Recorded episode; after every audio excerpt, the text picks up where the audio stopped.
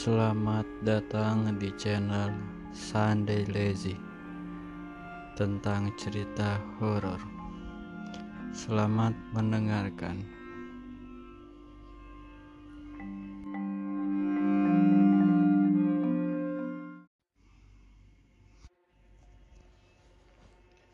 Halo, selamat malam semuanya.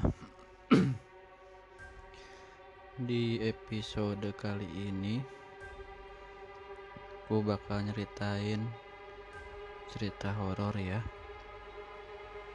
Ini judulnya cerita seram saat datang cepat ke sekolah.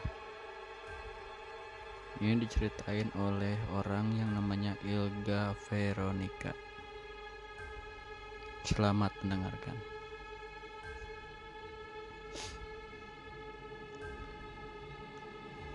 Oke, saya cerita dari awal ya. Begini ceritanya.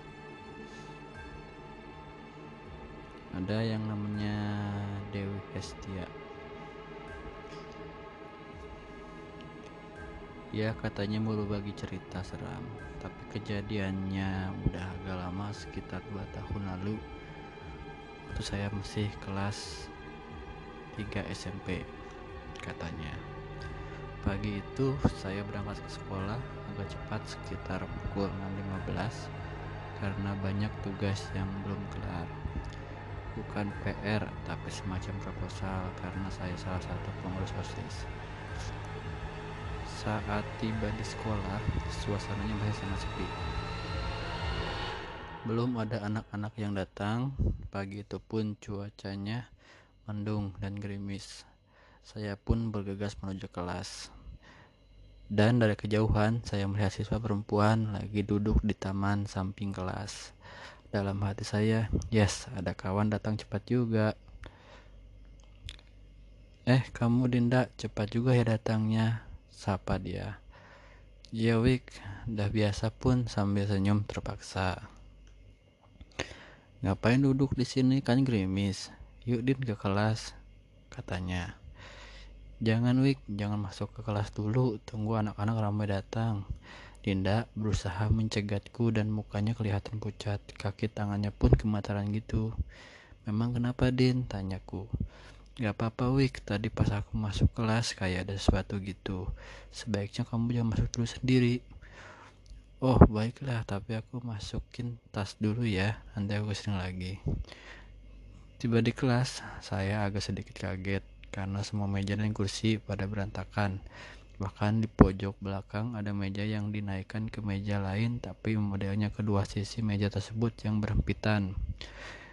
Gila nih kelas, siapa sih orang-orang iseng ginian? Pikirku dalam hati. Tapi sepertinya semalam pas pulang sekolah baik-baik aja deh. Dan di kelas dikunci sama penjaga sekolah. Saya pun cuek aja sambil membenarkan meja dan kursi saya yang juga ikut berantakan. Soalnya saya harus menyelesaikan proposal dana untuk perayaan maulid di sekolah. Indah pun saya abaikan. Asik-asik menulis tiba-tiba aja suasana di kelas rasa aneh kadang tercium aroma daun pandan dan wangian yang begitu menyengat. Saya pun masih tetap cuek dan biasa aja. Namun tiba-tiba dari belakang terdengar suara meja tergeser. Dan itu terjadi sangat keras dan cepat Pas saya menoleh ke belakang, tidak ada apa-apa, tidak ada orang, dan meja kursi pun masih di posisi semula. Saya pun agak takut juga jadinya dan bergegas keluar kelas menyumpai Dinda. Din, maksud kamu tadi melihat sesuatu apa sih? Gak ada apa-apa kok. Yuk temani aku di kelas. Banyak tugas nih, saya mencoba tetap tenang dan tidak menceritakan ke Dinda apa yang barusan saya alami. Jangan dulu Wix, nanti aja tunggu anak-anak ramai. Tadi pas aku masuk kelas sendiri, saya melihat meja dan kursi melayang-layang gitu. Saya mencoba teriak dan berlari dari situ, tapi nggak bisa. Agak lama tadi saya ketakutan di kelas sendiri. Dinda memang sering mengalami hal, -hal aneh di sekolah, dan dia sangat sering kesurupan. oh, jadi kelas berantakan tadi apa? Karena jawabnya dia. Sekitar 20 menit kemudian, suasana sekolah sudah agak ramai. Dan terlihat cuma Chandra dan Firman teman sekelas kami yang baru datang. Din, yuk masuk kelas. tuh Chandra dan Firman dah datang. Gerimis nih. Akhirnya Dinda pun setuju. Dan barengan masuk ke kelas. Namun tiba-tiba belum sempat Dinda meletakkan tasnya. Dia terlihat bersikap aneh. Seperti orang ketakutan karena melihat sesuatu yang mengerikan gitu. Buahnya pucat matanya agak melotot dan sambil berjalan mundur menuju pintu kelas dan saya bertanya Din kamu kenapa Ayo keluar, tolong bawakan keluar aku dari sini. Kenapa, Din? Kamu lihat apa? Tanyaku. Firman dan Chandra kelihatan heran. Wik, tolong pegang tanganku. Aku mau jatuh, gak kuat berdiri nih. Ayo kita keluar dari sini-sini. Pintanya Dinda. Dia pun terlihat pucat dan lemah sekali. Aku pun bergegas memegang tangan Dinda dan Chandra pun aku minta bantuan. Namun sikap Dinda makin aneh. Dia berteriak-teriak gitu dan tangannya sangat dingin. Firman, jangan di situ, dia ada di sebelahmu. Perempuan itu ada di sebelahmu, teriak Dinda. Sontak Firman yang lagi duduk santai di pojok kelas terlihat ketakutan. Dinda pun makin menjadi-jadi. Dia berteriak gak keruan gitu dan akhirnya pingsan. Kami bertiga pun kebingungan dan karena takut juga kami putuskan bawa Dinda ke rumah penjaga sekolah. Karena kantor guru belum buka masih terlalu pagi. Setelah Dinda siuman dan keadaan rumah kembali Firman bertanya apa yang dialami Dinda tadi? Cerita Dinda pun membuat bulu kuduku berdiri. Dia mengatakan pas dalam kelas tadi dia melihat melihat seorang wanita yang berpakaian putih rambut panjang dan agak acak-acangan gitu Makhluk itu duduk di atas meja pojok belakang tepat di dekat Firman tadi. Dinda juga mengatakan ketika makhluk itu berdiri dan hendak mendatanginya. Bentuknya seram sekali seperti kuntilanak tapi berbadan besar bahkan makhluk tersebut sedikit menunduk ketika hendak mendekatinya dan mendekati makhluk itu menyentuh langit-langit kelas kami. Saya pun benar-benar ketakutan ketika membayangkan apa yang diceritakan Dinda dengan hal aneh yang saya alami di kelas tadi. Sekian dan terima kasih.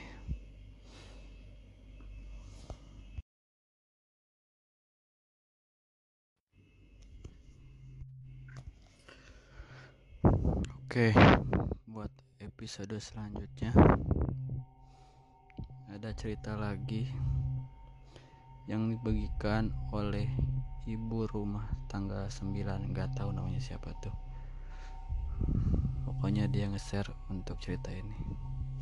Selamat mendengarkan ya.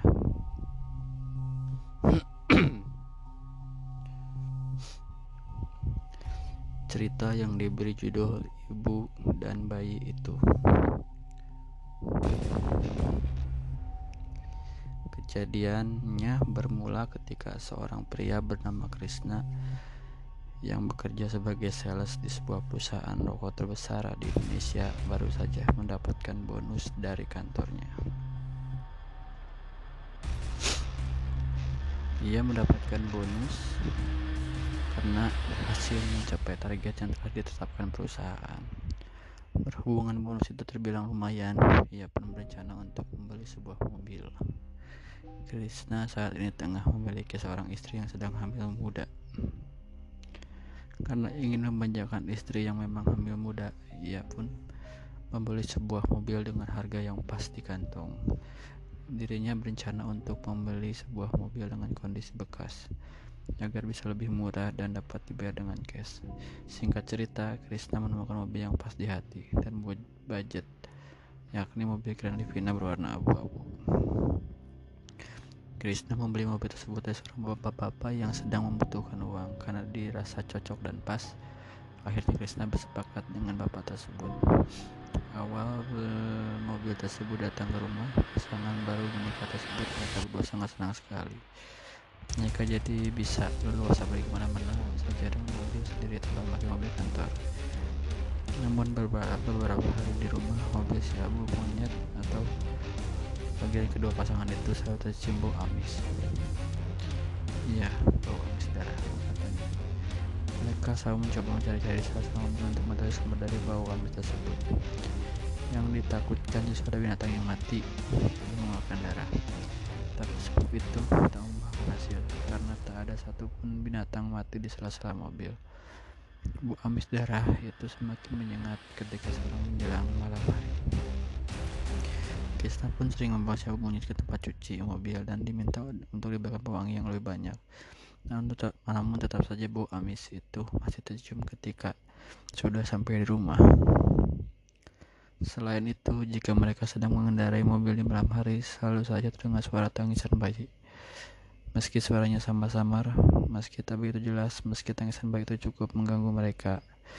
Hingga akhirnya Krishna berencana membawa mobil itu ke paranormal atau ke orang yang tahu menyelesaikan permasalahan mobil itu. Karena menurutnya ini bukan permasalahan yang biasa terjadi.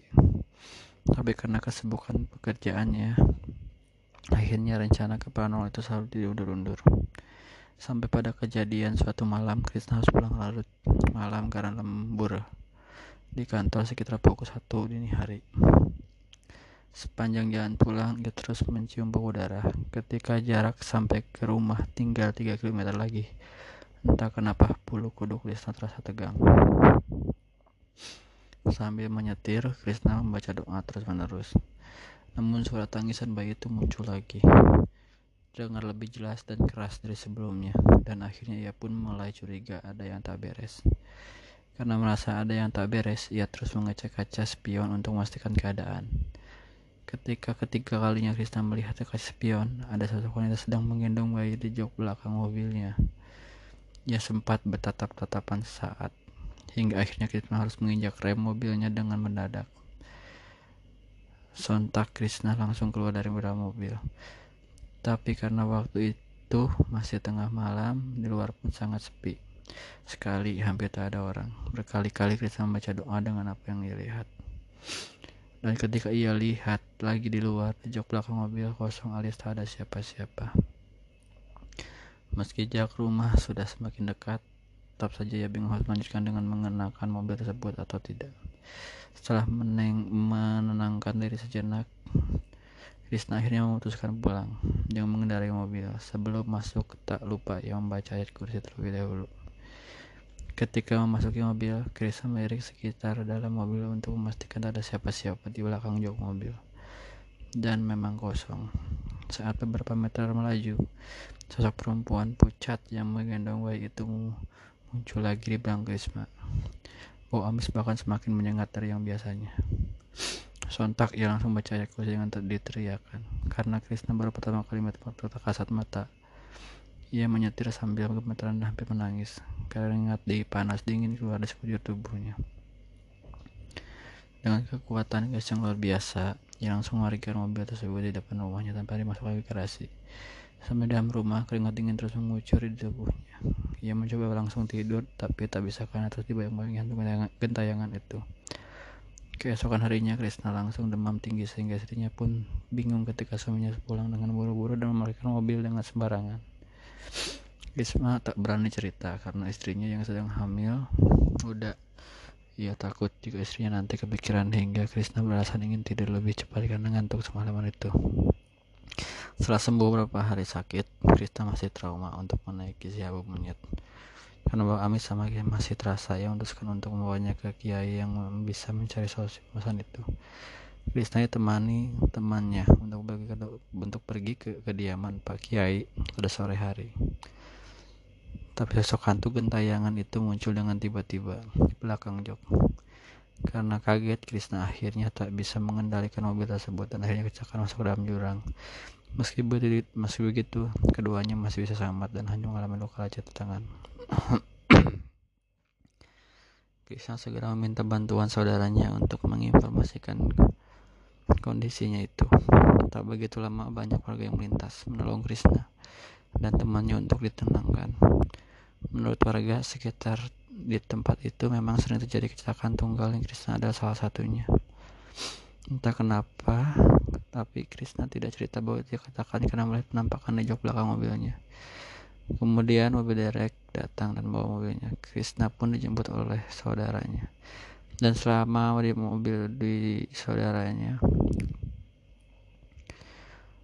saudaranya pun membahas kenapa ia bisa kecelakaan di sana. Dirinya juga tanya temannya apa dia sosok menambahkan jok belakang mobil, tapi katanya dia tidak melihat. Malah dia heran kenapa Krishna tiba-tiba kaget dan banting setir. Krisna pun jadi heran mengapa hanya dirinya saja yang bisa melihat penampakan wanita itu. Setelah ia dan temannya diobati rumah sakit, mereka pun langsung pulang. Krishna benar-benar kepikiran dengan mobil itu. Hingga akhirnya memutuskan untuk secepatnya bertemu dengan Kiai Muhi. Dengan menggunakan mobilnya, ia akhirnya sampai tempat Kiai Muhi. Beliau langsung mempersilahkan masuk dan tanpa basa-basi Krishna pun langsung menceritakan kejadian demi kejadian yang dialami Krishna. Kiyomichi sebetulnya ingin mengecek langsung ke mobilnya, tapi berhubungan mobilnya masih di bengkel jadi diurungkan. Kiai Muhi bilang bahwa jika ada suatu benda yang dihuni makhluk halus, maka bisa jadi sebelumnya ada kejadian yang berhubungan dengan makhluk halus tersebut. Jadi ya disarankan untuk menemui, menemui pemilik mobil ini sebelumnya. Sebelum pulang mereka diberi botol air doa agar lebih tenang. Esok harinya, sepulang Krishna dari kerja, ia pun langsung menemui pemilik mobil ini sebelumnya. Sebut saja namanya Pak Yahya. Dirinya mengutarakan maksud kedatangan dan menceritakan beberapa kejadian yang menimpa Krishna terkait mobil itu dan Pak Yahya kaget. Selama beliau memakai mobil itu, beliau tidak pernah merasakan atau menemui keanehan, apalagi sampai melihat penampakan. Beliau juga tidak pernah berlaku dan berbuat suatu hal yang janggal terhadap mobilnya, sampai mobilnya dihuni makhluk tersebut. Karena tak menangkap kebohongan dari pernyataan Pak Yahya.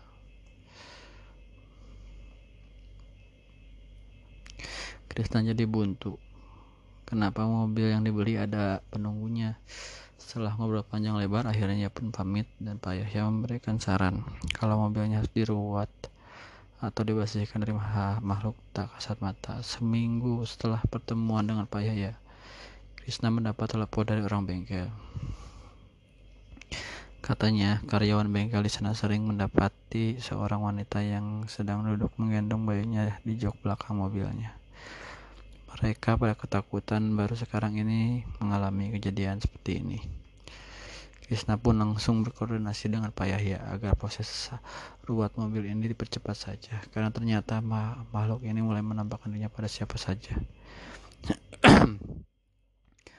Yahya pun setuju. Beberapa hari setelah ia mereka pun langsung datang ke bengkel dan di sore hari. Setelah bengkel tutup, mereka sudah meminta izin pada pemilik bahwa akan melakukan ruat pada mobil ini. Pak Yahya datang bersama seorang pria setengah baya memakai baju koko dan sorban. Beliau mengenakan diri sebagai Pak Hadi yang akan melakukan ruatan itu. Mereka pun mereka pun memulai acara ruat mobil ini. Di sana selain ada Krishna, Pak Yahya dan Pak Hadi, ada juga pemilik bengkel dan beberapa karyawannya. Mobil ini dimandikan dengan air yang katanya sudah didoakan. Semua bagian mobil baik dalam dan luar dipercikan air dan Pak Hadi berdoa dalam mobil.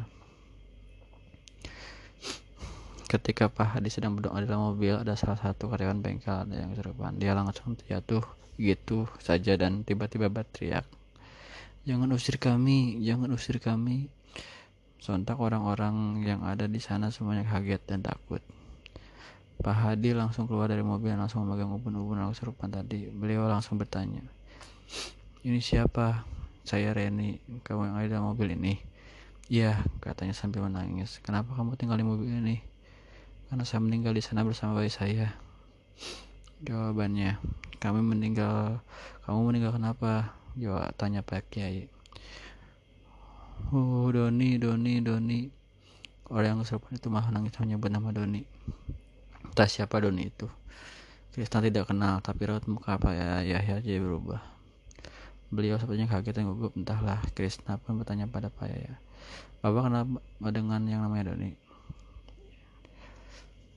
Itu anak saya ujar Pak Yahya dengan muka pucat pasti ternyata Pak Yahya punya anak namanya Doni yang masih sekolah di SMA kelas 3 Wah, Krishna pun kaget dibuatnya. Sedangkan arwah Rene ini tidak mau disuruh meninggalkan mobil tersebut karena katanya dia nyaman ada di sana.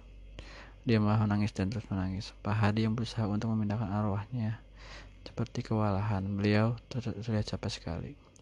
Di sana Pak Yaya akhirnya mengambil keputusan untuk mencari tahu dari Doni. Mungkin Doni tahu seseorang yang bernama Reni. Akhirnya mereka sudah lewat mobil ini. Dia langsung ikut ke Pak Yahya pulang ke rumah beliau untuk bertemu dengan Doni. Kebetulan Doni sedang ada di rumah, jadi mereka bisa langsung bertanya padanya. Ketika mereka menanyakan nama Reni pada Doni, reaksi Doni langsung kaget dan pucat pasti. Pahya langsung curiga melihat reaksi Doni. Krishna pun begitu. Jadi mereka desak Doni untuk menyatakan siapa Reni itu ini sebenarnya. Ternyata Reni ini adalah pacarnya Doni. Mereka sudah berpacaran cukup lama. Dan gaya, gaya berpacaran mereka buka uh, bukan hanya sekedar pacaran biasa pacaran mereka sudah melewati batas dan akhirnya Reni hamil awalnya Doni bersedia bertanggung jawab atas kehamilan Reni tapi Doni berjanji akan menikahi Reni jika sudah lulus ujian SMA dan Reni pun menyanggupinya walaupun Reni harus menunggu dan menutupi perut pencitnya dulu tapi malam itu Reni minta tolong pada Doni bahwa dia merasakan mulas. Dia sepertinya akan melahirkan. Jadi minta tolong Doni untuk menjemputnya. Doni pun menjemput Reni ke rumahnya dan rencananya akan mengantarkan Reni ke klinik bersalin. Doni menjemput Reni menggunakan mobil Syabu monyet yang saat itu masih milik ayahnya. Sebelumnya Reni ini hanya tinggal bersama ayahnya, sedangkan ibunya sudah meninggal. Jadi karena ayahnya sibuk bekerja, dia tidak sadar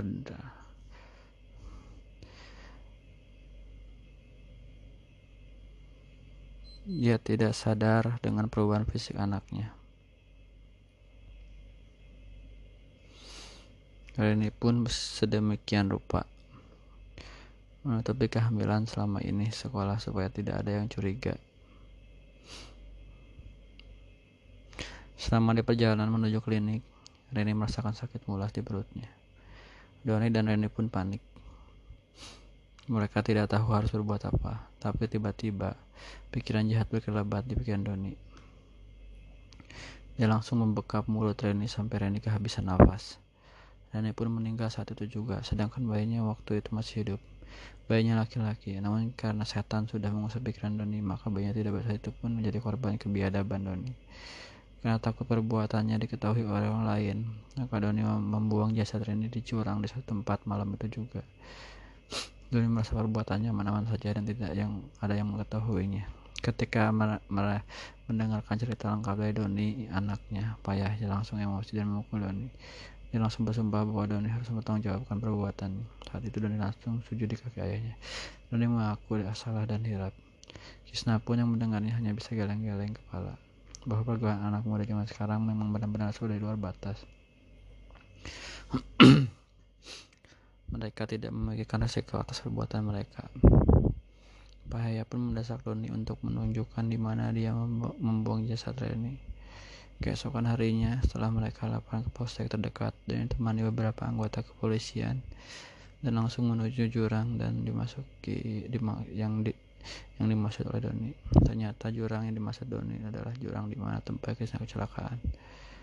Mungkin di kecelakaan kisah kemarin, Reni ingin menunjukkan jasad dirinya pada padanya tapi waktu itu dia tidak melihat sekeliling ternyata jasad yang ditemukan sudah membusuk saat itu juga beserta jasad bayi yang dilahirkannya mereka ditemukan tertutup daun-daun kering di dasar jurang begitulah jika setan sudah memasuki jiwa seorang untuk menutupi kesalahannya dia melakukan kesalahan lain yang lebih fatal akhirnya Doni dipenjara untuk mempertanggungjawabkan jawabnya